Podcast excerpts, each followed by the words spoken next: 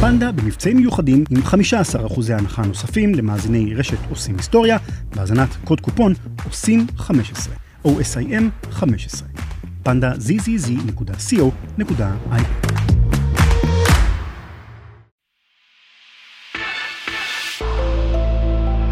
רשת עושים היסטוריה. רשת עושים היסטוריה. רשת עושים היסטוריה.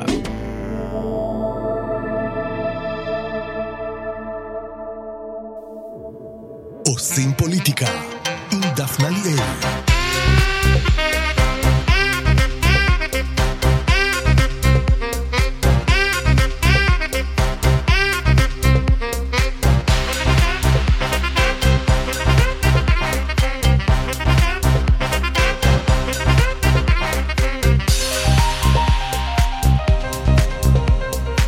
שלום לכם, אנחנו בעוד פרק של עושים פוליטיקה. האמת שקשה להצביע על הרגע שבו הכל התחיל, ההפגנות נגד נתניהו. למעשה כבר ארבע שנים ברציפות מתקיימות הפגנות שבועיות נגד ראש הממשלה, גדולות יותר או פחות, תחילה מול ביתו של מנדלבליט וכבר חצי שנה מול בלפור, מעון ראש הממשלה בירושלים. האנשים התחלפו, ההתארגנויות השתנו, אבל המטרה נותרה זהה, לשים סוף לשלטון נתניהו, שלדעת המפגינים נגוע בשחיתות עמוקה, וגורם לכך שהמדינה תתנהל על פי טובתו של נתניהו, ולא על פי טובת המדינה. היום נתמקד בהפגנות החודשים האחרונים, שמובלות על ידי מספר קבוצות ומאופיינות בעיקר בקהל צעיר, ונשאל מה הן מנסות להשיג מבחינה פוליטית, והאם הן מצליחות. מיד נשמע את הפרשנים הפוליטיים עמית סגל, ספי עובדיה וברק רביד. נדבר גם עם גונן בן יצחק, ממובילי המחאה, ותלווה את הפרק הזה אורלי בר-לב, עיתונאית עצמאית, ומתומכות המחאה. שלום אורלי. אהלן. אגב, אפשר להיות גם עיתונאי וגם תומך נלהב, זה הולך ביחד? מכיוון שהמחאה הזאת עוסקת בקיומה, בעצם קיומה של מדינת ישראל כדמוקרטיה, מכיוון שהמחאה הזאת באה להצביע על סכנה גדולה למדינה, אני חושבת שעיתונאי שרוצה לעשות עיתונאות שהיא חופשית ושהיא עצמאית, לא יכול לשבת על הגדר. זה כמו שאין בעד ונגד אונס, אז גם אין בעד ונגד דיקטטורה. בהינתן סכנה לדמוקרטיה, עיתונאי שלא לוקח עמדה ולא קם להילחם על הדמוקרטיה, בעצם משרת את הצד כן, השני. כן, למרות שפה יש אמירה מאוד פוליטית, אה, להפיל את נתניהו, זה לא רק בעד אה, ערכים דמוקרטיים, חופש העיתונות, אה, חופש ההפגנה. להפיל את נתניהו, אבל זה, לה, זה לא להפיל את נתניהו בהקשר של פעם, אבל זה ממש היה מזמן, היה ויכוח אידיאולוגי בישראל. ימין, שמאל, היו תפיסות עולם מתנגשות, היה דיון. היום אנחנו מדברים על סיטואציה שבה המחאה הזאת בעצם קמה ואומרת, האיש הזה ספציפית, לא הימין, המחאה לא יוצאת נגד הימין, לא יוצאת נגד המרכז, המחאה אומרת, האיש הזה ספציפית מהווה סכנה למדינה, ומשכך אנחנו חייבים לעצור את הסכנה הזאת לפני שיהיה מאוחר מדי. אז בואי נחזור לתקציר הפרקים הקודמים, כדי שככה, יש לנו מסורת פה בפודקאסט, קודם אנחנו ככה מוודאים. שכולם מכירים את הנושא, את הרקע, ואז אנחנו צוללים לשאלה עצמה, שהיא באמת, האם ההפגנות האלה משיגות את מטרתן. אז בואי נחזור ל-2016, כשההפגנות מתחילות, אה, וננסה להבין קצת איך הגענו עד הלום.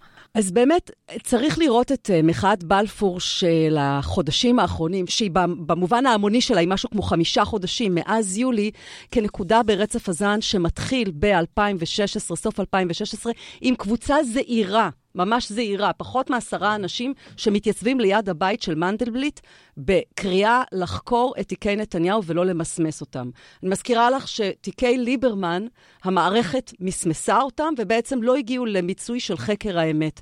וכאן הייתה התעוררות של האזרחים ואמרו, רגע, רגע, מה קורה כאן? שחיתות שלטונית זה סכנה, אנחנו רוצים לעמוד על המשמר ולראות שהמערכת מבצעת את תפקידה. זה הפגנות גורן המפורסמות. אלה הפגנות כיכר גורן, הפגנות פתח תקווה. מני נפתלי, אלדד יניב. נפתלי, ואני רוצה להגיד שבשלב מסוים, היו כל מיני גלגולים וכל מיני אנשים, אבל צריך להגיד שבשלב מסוים ההפגנות האלה גם אה, עשו איזשהו shift לזמן מה לתל אביב, ובשיאן הגיעו ליותר מ-100 אלף איש כנגד חוק ההמלצות, וגם השיגו הישג קונקרטי באותה תקופה. שהחוק בכל... הזה בסופו של דבר רוכך מאוד ולא עסק ישירות בנתניהו. וזה הרבה בזכות העובדה שלמעלה מ-100 אלף איש יצאו לרחובות. רק נציין שההפגנות הספציפיות של כיכר גורן למעשה מסתיימות עם הגשת הגשת כתבי האישום נגד אה, נתניהו, ברגע ואז שמנדלבליט- אנחנו מגיעים לאיפה שאנחנו נכון, נמצאים היום. ברגע שמנדלבליט מכריז על uh, כתבי אישום נגד נתניהו בתיקי האלפים, אח- אה, 1,000, 2,000 ו-4,000, הפגנות השיגו את מטרתן, הנושא לא מוסמס, למרות שיש הרבה ביקורת שהתיקים שונמכו בחלקם וכולי, אבל אמרו, לפחות הנושא לא מוסמס. כן נשאר פתוח נושא uh, פרשת הצוללות, שגם חוזר אחר כך ב- בהמשך המחאה. אז מי הם בעצם הדמויות שמרכיבות, או ההתארגנויות שמרכיבות את המחאה הזו, נקרא לה מחאת אה, 2020? אז, אז מחאת 2020 צריך להסתכל עליה כמחאה שמתחילה באזורי הסגר הראשון. איפשהו באזור מרץ, אם אני לא טועה, אנחנו רואים כמה תופעות קורות בו זמנית. הקורונה מגיעה, יש את הצעדים לקראת הסגר, יש לפתע פתאום וכל זה ביחד עם המשא ומתן הקואליציוני אחרי בחירות שלוש, כשפתאום יש דיבורים על כך שגנץ מתחיל לנהל משא ומתן עם נתניהו, יש גם רגע דרמטי שאמור היה להיות מאיר כהן יושב ראש הכנסת, ובאותו יום פתאום גנץ הולך ומתמנה ליושב ראש הכנסת, ואז הוא מתחיל את המשא ומתן עם נתניהו על והפסיקה האחדות. של בג"ץ שאדלשטיין לא מכבד אותה? בדיוק, ויש יש סגירה של הרשות המחוקקת, יש סגירה של הרשות השופטת. הדברים האלה, אגב, ההחלטות האלה מתקבלות באישון לילה, באחת בלילה, כשמעבירים בין השרים את השאלות ומצביעים על זה בוואטסאפים, ואנחנו בעצם נמצאים בסיטואציה שהדמוקרטיה ממש פרסה, רואים את זה בעיניים.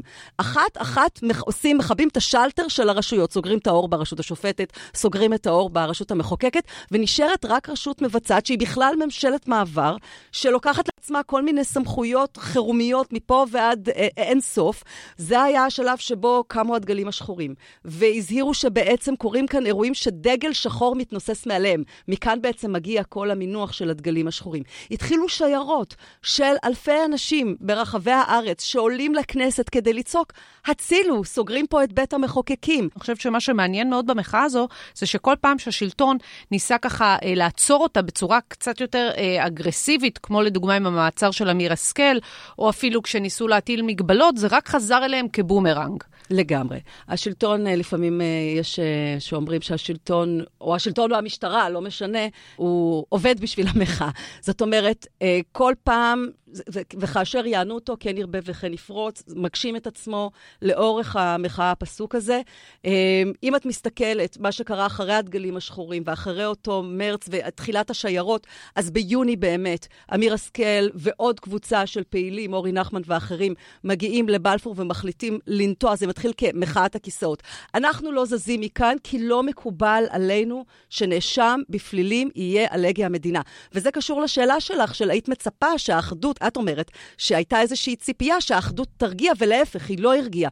בוודאי שהיא לא הרגיעה. כי מה אמרו 62 מנדטים? הם אמרו לא לביבי. מה הם קיבלו? הם קיבלו לגיטימציה לנאשם בפלילים, להישאר על כיסאו ולהמשיך לדרדר אותנו באותו מסלול מסוכן.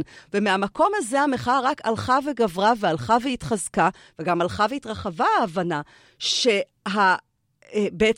שהוא הוא מקבל לגיטימציה מהמערכת הפוליטית, ולכן מי שנשאר כאן, שיקום ויצעק את הצעקה הזאת, אלה בעצם האזרחים. והמעצר של אמיר השכל הוא ממש אה, מנקודת מפנה בכל מה שקשור להפגנות נקודת בלפור. מפנה, המעצר של אמיר השכל קורה באזור חודש יוני, ובעקבותיו ממש למחרת, כשהוא בכלל בבית העצורים, ועוד מסיעים אותו לבית המשפט, אה, מגיעים אלפי אנשים לבלפור. פעם ראשונה שיש משהו המוני בבלפור של כבר אלפים, ולא רק 100 או 200, אה, ומגיעים אלפי אנשים, מגיעים הרבה חברי כנסת באותו ערב. זאת אומרת, המעצר של אמיר השכל מזעזע גם את התקשורת, צריך להגיד. כולם בשוק, מה פתאום תת-אלוף במילואים שכל כך הרבה זכויות אה, אה, אה, בתרומה למדינה יש לו, שהוא נעצר בצורה ברוטלית. ובעצם אותה הפגנה מסמלת את ההתחלה של בלפור, ומתחילות הפגנות שבועיות ויותר מפעם בשבוע בבלפור, ואגב, בעוד מקומות גם מדי פעם הולכים להפגין מול הבית של השר אוחנה ועוד, וכל הדבר הזה מגיע ל- לעוד שיא ב-14 ביולי, יום הביביסטיליה, מתכתב עם יום הבסטיליה. וזאת ההפגנת ההמונים הגדולה ממש, הראשונה, שממנה כבר אנחנו באלפים רבים רבים. זה קורה באמצע השבוע, ביום שלישי, באמצע השבוע. המוני אזרחים עולים, אני אומרת לך, אני נמצאת במחאות האלה, אני מסקרת אותן מהשנייה שהתחילו, מהרגע שמתחילה ההפגנה ועד שהיא מסתיימת. אני מדברת עם אנשים מרמת הגולן, מקריית שמונה, מנהריה, ואני מדברת עם אנשים גם ממצפה רמון ומאילת. זאת אומרת, אנשים מכל הארץ עושים מאמץ ומתחילים להגיע שבוע אחרי שבוע, לפעמים פעמיים ושלוש בשבוע. שזה בשלישי ושבת בדרך כלל. זה היה שלישי, היה גם חמישי, ואז היה שבת, ובהמשך מה שקרה, וגם, את יודעת, on and off יש אה, סגר כזה וסגר כזה. ומחאת הגשרים. בדיוק, ומתפתחת המחאה בכל הגשרים ובכל הצמתים, וכשאחר כך עוד אפילו עושים את הסגר ב' עם הקילומטר, אז המחאה עוד יותר גדלה, ואנחנו כבר מגיעים למספרים של 250 ו-260 אלף איש שיוצאים רובם ליד ביתם, לכיכר הסמוכה, לצומת. אז איך זה התפתח שיש כל כך הרבה ארגוני מחאה? אני הרי יושבת על הוואטסאפים במוצאי שבת, כן. הקבוצה הזאת והקבוצה הזאת והקבוצה ההיא, ולמה צריך כל כך הרבה קבוצות? אם יש התארגנות אחת מרכזית שהיא אה, נושאת הדגל, למה לא מתאחדים אחריה? כי זאת בדיוק לא המחאה הזאת, שיש התארגנות מרכזית אחת שהיא נושאת הדגל. זאת קודם כל מחאה שהיא באמת ללא מנהיגים. היא מחאה שמגיעה מלמטה, יש כאן זעקה של עם. צריך להבין שאנשים שונים במחאה גם מגיעים מרקעים שונים, גם מגיעים ממקומות שונים על הקשת הפוליטית. יש גם אנשי ימין, לא רק אנשי מרכז או שמאל, וכל אחד מגיע מהכאב האישי שלו. יש את האנשים המבוגרים יותר שמגיעים כי מאוד מטרידה אותם השחיתות, אובדן הערכים והעובדה שהמדינה מידרדרת מדמוקרטיה לדיקטטורה. יש אנשים אנשים שמגיעים על רקע כלכלי בגלל הניהול הכושל של הקורונה, שהוא היה לטובת הנאשם בפלילים ולא לטובת הציבור, אנשים על בשרם שלהם איבדו פרנסה, איבדו אופק, אה, יש אנשים שאיבדו, שלא יכולים לממן את הלימודים שלהם, סטודנטים שנפלטים. יש צעירים שמרגישים שגזלו מהם גם את העתיד וגם את ההווה, הם לא רואים פרנסה. אנשים רבים שעובדים בתחום חיי הלילה, שעובדים בתחום התרבות, בתחום התיירות. זאת אומרת, גם הרקע הכלכלי והניהול הכושל של הקורונה הוא מנוע מאוד מאוד חזק, ובאופן כללי יש דאגה מאוד מאוד עמוקה לצביונה של המדינה ולגורלה. אנשים מבינים שאם אנחנו לא נישאר דמוקרטיה, אז לא תהיה ישראל. אז זה אולי אה, באמת היתרונות, או בוא נגיד הדברים ככה שאפשר למצוא אה, שהם ככה מאוד מגוונים ויפים במחאה, הם אולי גם בעצם האויב הכי גדול שלה, כי הם לא מצליחים לקחת את המחאה הזו ולתעל אותה לאנרגיה פוליטית. בוא נשמע מה אמר לנו אה, הפרשן הפוליטי של חדשות 12, עמית סגל, על המחאה הזו, איך הוא רואה אותה. בוא נאמר בעדינות, הוא חולק על ההנחה שלך שיש שם הרבה אנשי ימין, בוא נשמע אותו. באופן עקרוני, הפגנות במדינת ישראל משנות אה, הרבה פחות מכפי שנהוג לחשוב. ואולי בעצם כמו שנהוג לחשוב, ולכן יש ירידה מאוד משמעותית בהיקף שלהן. כשאנחנו חושבים על הפגנות שבאמת שינו, עולות לנו בתודעה ההפגנת ה-400,000, אם היו שם 400,000, שהביאה לוועדת החקירה לאירועי סברה ושתילה, והמחאה החברתית ב-2011, שגם אם אה, לא הובילה לכל מטרותיה, כן, כן שינתה פה את אה, סדר היום. המשותף לשתיהן זה הממדים, ולמחאה החברתית התלווה עוד היבט שהוא העובדה שהיא הקיפה אגפים שלמים מהחברה הישראלית אה, והיא הייתה חוצת מחנות. זאת אומרת שכדי שהפגנה תשפיע בעולם שמתכנס יותר ויותר לתוך הרשתות החברתיות, לתוך הטלפון החכם שלנו, היא צריכה להיות או בהיקף משמעותי מאוד, או להיות חוצת מחנות. אני לא בטוח שהתנאים האלה מתקיימים בנוגע למחאות בלפור. אלה מחאות שהן אה, מרשימות בהתמדה שלהן, לפעמים גם במספרים, אבל אין מה להשוות אותן למשל למחאות נגד אוסלו, או להפגנות דומות אה, אפילו של השמאל בעשור שעבר סביב ההתנתקות. כדי לבחון את המחאה צריך לבדוק את המטרה שלה, מלכתחילה. אמרנו שהמטרה של המחאה היא בראש ובראשונה להשמיע את הזעקה של הכאב של העם, של הדאגה, של החרדות, של מה יהיה, של אה, הסכנה האיומה זה דבר ראשון. אחד, זעקה. שתיים, התפקיד של המחאה זה להתריע מפני אותה סכנה. זאת אומרת, לבוא ולצעוק, חברים, כולם, כולל כל המערכת, שומרי הסף, אנשים שנמצאים בכל הדרגים, כולל 119 חברי הכנסת האחרים, ימין, שמאל, ליכוד, ימינה, מרכז, שמאל, כולם. תתעוררו. אם חשובה לכם באמת מדינת ישראל, תתעוררו לראות מה קורה כאן. עכשיו, אם את מסתכלת על המחאה, דרך הפריזמה הזאת של אנשים שבאים, אחד, לזעוק את הכאב שלהם, כי יודעת, אם לא תהיה מחאה, אז מה, אז הכל סבבה? אז אומר ש- שהכל נהדר? לא. אז אחד, יש את הביטוי של הכאב הזה, והשיקוף, המציאות פה לא סבבה בכלל, היא מסוכנת. שתיים, הצילו, המדינה בסכנה. בלי הדבר, דרך העיניים האלה, כשאת מסתכלת, זאת מחאה מדהימה, לא רק בגלל ההתמדה שלה. אנחנו כבר מדברות על חמישה חודשים של הפגנות המוניות, של עשרות אלפים ברחובות מדי שבוע בכל מיני צורות. אנחנו אבל מדברים גם על נחישות, ופה אני חייבת לחדד. זאת נחישות שאני חייבת להגיד לך, אני נמצאת במחאות השונות, בכל מיני תפקידים, מאז 2011.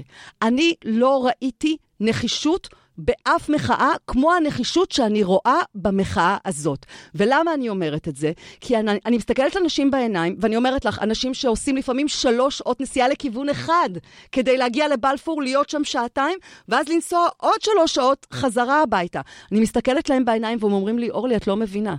אנחנו לא נוותר. עם כל הכבוד לניסיון לצעוק את הזעקה ולעורר מודעות, בסוף אתם רוצים שנתניהו ייפול, ועוד מעט נשאל את השאלה האם אתם מקרבים את סופו, או בדיוק ההפך. לפני זה אני רק רוצה שנציין שסקר דעת קהל שערך המכון אה, למחקרי ביטחון לאומי של אוניברסיטת תל אביב באוגוסט 2020, זאת אומרת בעיצומה כבר של המחאה, מראה ש-53% מהציבור מזדהה עם ההפגנות, הם באופן כללי נגד מדיניות הממשלה, אה, לא רק, כמו שאמרת, ספציפית נגד נתניהו, בעוד ש-43% אינם מזדהים עם ההפגנות.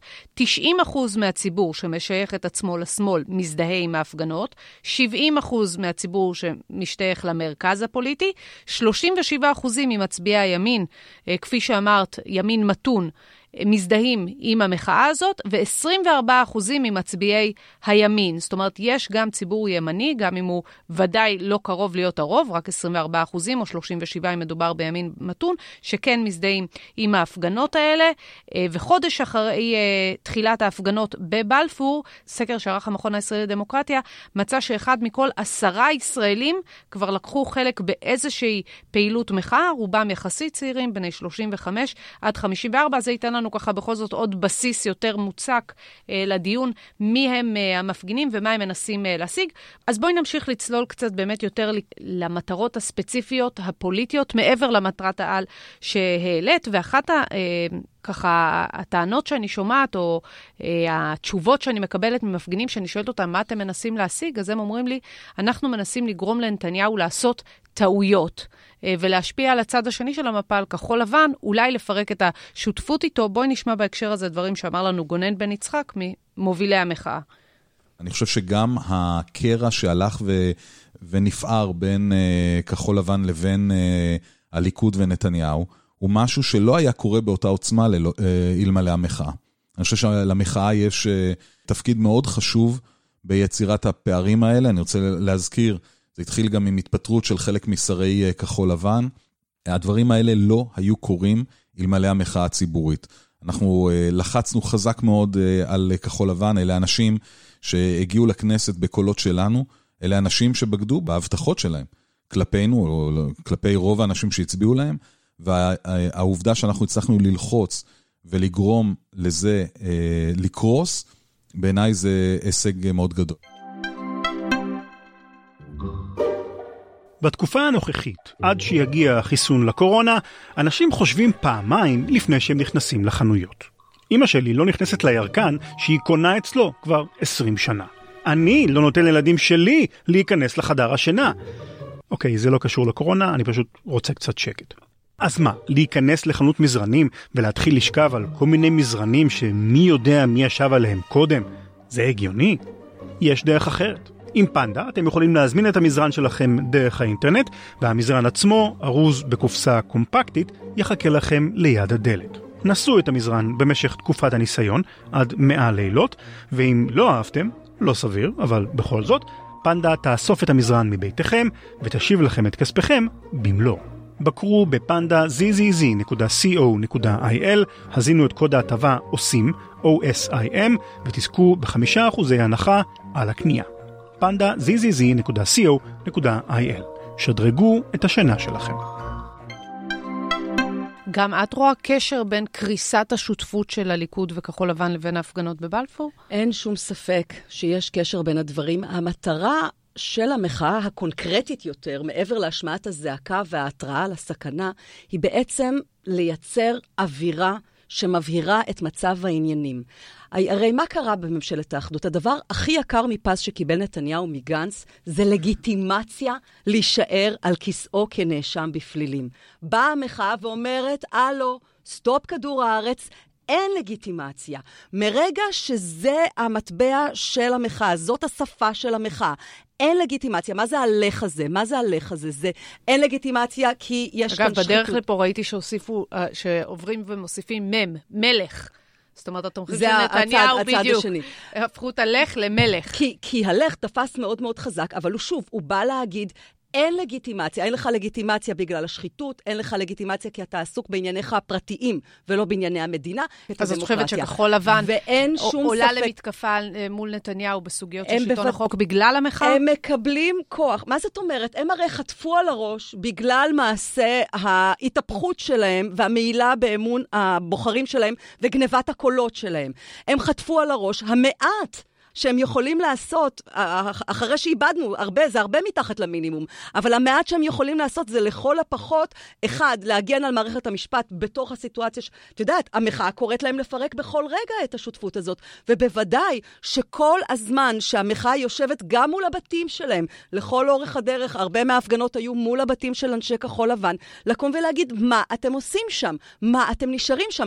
הנה, את אומרת בעצמך, אני חושבת, אה, אני מקווה שאני עושה לך תרגום חופשי נכון, שחלק מקריסת ממשלת האחדות היא גם בגלל המחאה הזו, כי הרי הסייקל הוא שאתם לחצתם את שרי כחול לבן, הם עלו למתקפה עם נתניהו בנושאים שהכי חשובים לנתניהו, ואנחנו הרי יודעים שאחד הנושאים המרכזיים שהובילו אה, את נתניהו בסופו של דבר להגיע למסקנה שמוטב לו בלי השפוט הזאת מאשר איתה, זה שכחול לבן באמת לא נותנת לו לעשות את מה שהוא רוצה לעשות בשדה המשפטי, והצבתו של אבי ניסנקורן כשר המשפטים. אבל התוצאה היא שישראל כנראה... כנראה הולכת לבחירות מוקדמות, ובבחירות המוקדמות האלה כחול לבן מרוסקת, והימין רק הולך ומתחזק. בואי נשמע ביחד את הדברים שאומר גונן בן יצחק בהקשר הזה, ואני אשמח שנמשיך את הדיון משם. פה באמת יש קושי, אני חייב להגיד, יש גם מידה מסוימת של תסכול. אני אומר ברמה האישית שלי, כן? לראות את המחאה, להבין שהמחאה הזו היא אחת המחאות המוצלחות שהיו במדינת ישראל, אבל להבין גם שכרגע לפחות, על פי הסקרים, אז זה קצת מדאיג אותי, אני חייב לומר. אני לא שבע רצון ממה שאני רואה, כי אני חושב ש... בוא נגיד, אם אני מסתכל על ימינה שעולה בסקרים, לפחות התחושה שלי היא שימינה מרוויחה ממשהו שהוא עמל שלנו ולא מגיע לה. אני חושבת שהסקרים היום הם חסרי משמעות. ראשית, עוד לא הסתדרו השחקנים על המגרש הפוליטי, אחד. שתיים, יש המון מנדטים שאין להם מושג איך הם הולכים להצביע. הרי רוסק כאן אמון של ציבור ענק בכ... בכלל בשיטה הפוליטית, בכלל בלהצביע לפוליטיקאי, בכלל בלקנות מילה שלו. והאנשים האלה, כשיגיעו הבחירות, בין אם הם יגיעו עכשיו או במועד קצת יותר מאוחר, אין להם מושג איך הם יצביעו. ואני מדברת איתך על כמויות אדירות של מנדטים. הדבר הזה לא בא לידי ביטוי בסקרים. בסקרים אין לך איזושהי מפלגה עמומה. את יודעת, מפלגת, המפלגה שאומרת אה, אה, אה, ניקיון משחיתות שלטונית, יושרה, צדק, אפשר גם ימין גם שמאל, העיקר הולכים ישר. נגיד, מין מפלגה כזאת שאומרת רק לשרת את האינטרס הציבורי, בלי אינטרסים אישיים. טקסטים של המחאה, תכנים של המחאה. אם היית עושה סקר כזה, היית מקבלת תוצאות אחרות לגמרי. ולכן לנתח את הסקרים עכשיו, בעיניי, זאת פשוט טעות, כי הם לא משקפים כלום. גם אם הסקרים הם מאוד מאוד מוקדמים, וגם אם הסקרים הם מאוד מאוד ראשוניים, הרי בסופו של דבר לא תקום פה איזושהי מפלגה חדשה שהיא אה, אך ורק תהיה סביב אה, מטרות ההפגנה. לו את היית ממארגני המחאה, מה היית עושה כדי לא לגרום למצב שבו אנרגיה של מחנה שלם, שהוא רק לא ביבי, ובוא נאמר עם כל העוד דברים שנלווים, זה המכנה המשותף, בסוף מתועלת למפלגה שחוברת לנתניהו. אני חושבת שברגע שהציבור יבין שמי שמצביע לבנט מצביע בעצם לנתניהו, אז לא ילכו כל כך הרבה קולות לבנט. אני חושבת שהדמות הזאת שנוצרה של בנט החדש, בנט המושיע, בנט הכאילו נלחם בקורונה, זה דמות שהיא איזשהו אה, עיצוב מאוד מאוד אה, מהונדס של הדמות הזאת, שאמור להיות מין כלי מנדטים, כן? משהו שלוכד אליו את המנדטים. אבל מכיוון שבנט לא אומר שהוא לא יושב עם נתניהו, להפך, הוא מעמעם את עצמו וחומק מהתשובות האלה.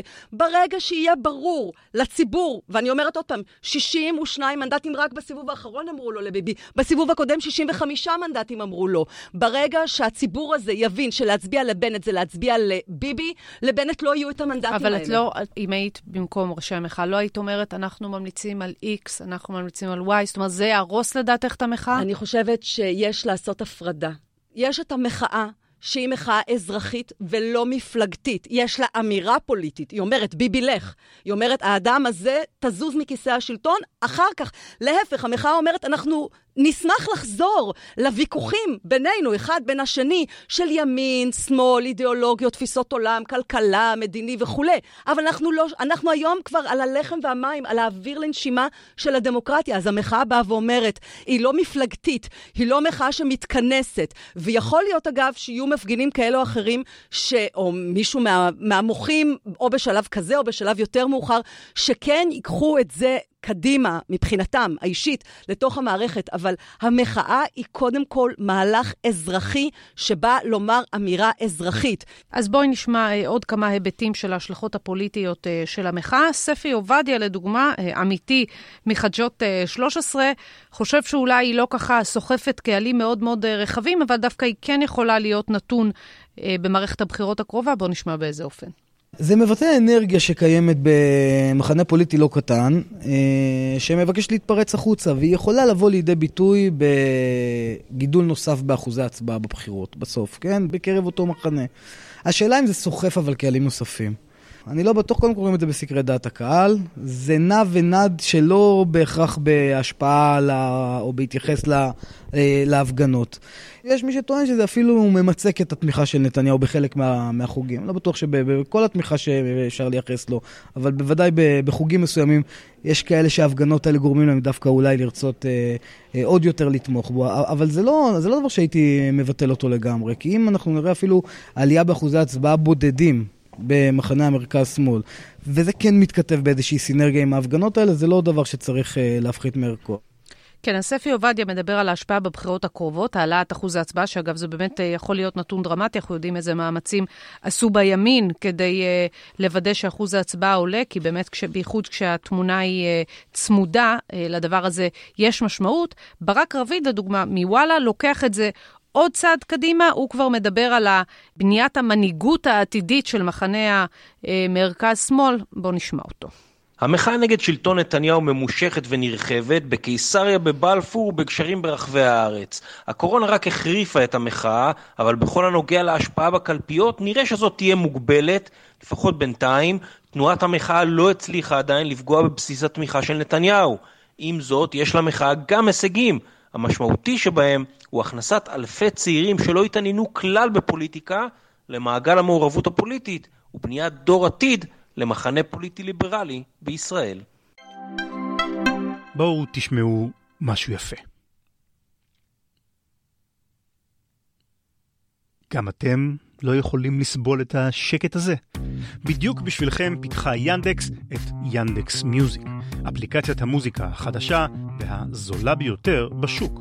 הורידו את ינדקס מיוזיק מחנות האפליקציות, יירשמו למנוי ינדקס פלוס, ובקוד הקופון Y פודקאסט תזכו בחודש חינם נוסף על תקופת הניסיון. קוד קופון YPODCAST. ינדקס מיוזיק, החיבור שלכם למוזיקה. אני רוצה להזכיר לך את נתוני הסקר שאת הקראת קודם. קודם כל, את הקראת שיש תמיכה למחאה הזאת גם בקרב קהלים שהפרשנים לא, לא מכלילים אותם כתומכי המחאה. דיברת על 30 ומשהו אחוזים מהימין המתון, דיברת על 24 אחוזים מהימין-ימין. זאת אומרת, את בעצמך אה, הבאת כאן נתונים שמראים שהמחאה הזאת נוגעת לכל הקשת הפוליטית, באחוזים כמובן שונים. הסיפור של ההצבעה ואיך יהיה ומה יהיה עוד מוקדם להגיד. אבל השאלה אם את לא נמצאת במין טלוויזיה במעגל סגור, בגלל שעובדה שנתניהו, אה, בסיס התמיכה בו, כמעט לא השתנה. אני לא מסכימה, נתניהו, מדבר... את שוכחת שנתניהו, באותם סקרים שאני בכל מקרה אומרת לך שהם לא משמעותיים, כי, כי הם לא משקפים כרגע. אבל הוא עדיין עומד על 30 מנדטים, סליחה, הוא מוביל בבטחה את רשימת ה... לפני שנה הוא נפנף לנו ב-40 מנדטים, לאן נעלמו 40 מנדטים? בסדר, ויצא ו... בבחירות 30 רגע, וקצת רגע, בסופו של רגע, דבר, היום 36. אבל אם את מסתכלת על החודשים האחרונים, יש סקרים שהוא מקבל גם 27 מנדטים.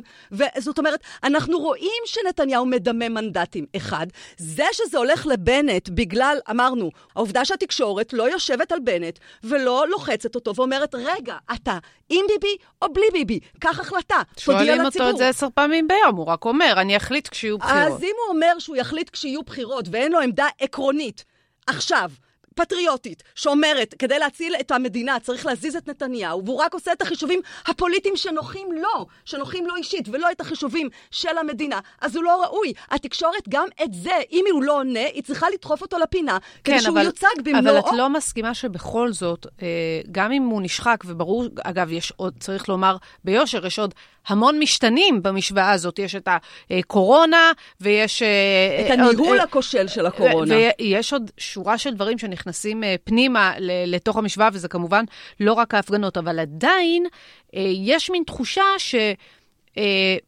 בסדר, ההפגנות יכולות ליצור אווירה מסוימת, אני לא יודעת, אולי בקהלים מסוימים יותר, בקהלים מסוימים פחות, אבל אה, אין תחושה שהן הרסניות לנתניהו, כמו שהיו ההפגנות נגד מלחמת לבנון לאולמרט. זאת אומרת שברגע שהתחילו ההפגנות האלה, די, הוא איבד את הלגיטימיות הציבורית שלו. ואני חושבת שאצל נתניהו זאת לא התחושה. התחושה היא, אה, הנה, הוא מביא לנו עדיין את השלום עם האמירויות, והוא מביא את החיסונים, וזה מין איזה משהו נלווה שאנחנו אה, לומדים לחיות איתו. אין לגיטימציה. והמחאה הזאת, המטרה שלה היא לבוא להגיד גם למערכת, תקיעי מקרבך את מי שאין לו לגיטימציה ציבורית. והמערכת זה היועץ המשפטי לממשלה, היועץ המשפטי של הכנסת, כל שומרי הסף וגם בית המשפט. אני מזכירה לך, נתניהו קיבל את ההכשרה שלו כנאשם בפלילים מ-11 שופטי עליון. השופטים האלה, כשהם אמרו את זה, הם יצאו מנקודת הנחה תמימה, צריך להגיד, שנתניהו משחק לפי הכללים. שבוודאי שהוא יהיה כפוף להסדר ניגוד עניינים, שבוודאי שזה ייערך מאוד מהר, שבוודאי שהוא יחתום על זה והוא יהיה כפוף לזה, ואנחנו רואים איך הכל התפרק. עכשיו, כשהמחאה לוחצת ואומרת אין לו לגיטימציה ציבורית, השופטים הם חיים בקרב עמם, הם רואים את זה. תנסי ככה לצפות פני עתיד אה, עבורנו, לאן המחאה הזו ממשיכה אה, מכאן? מה היעד הבא שלה עכשיו? תראי, אני מספרת לך את מה שאני מרגישה מתוך הרחוב. ואני אגב מזמינה אותך ומזמינה את כל אחד מהאנשים ששמענו כאן. אני מזמינה כל אחד מכם להתלוות אליי ערב אחד, תקשיבו לקולות, תכירו את האנשים ותבינו. אחד, זאת מחאה שלא הולכת להיגמר.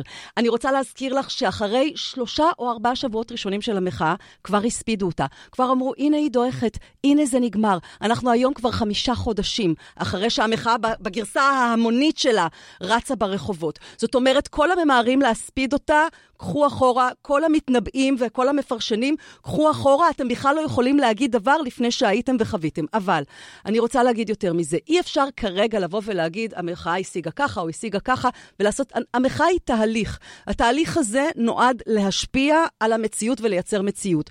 העובדה שהמחאה לוחצת על המערכת כולה, על כל הרכיבים שלה, על הפוליטי, על המשפטי, על שומרי הסף, על התקשורת, על כל הרשויות בעצם, לקום ולקחת אחריות על המצב ולחלץ את ישראל מהבוץ שבו היא נמצאת, זה אירוע תהליכי.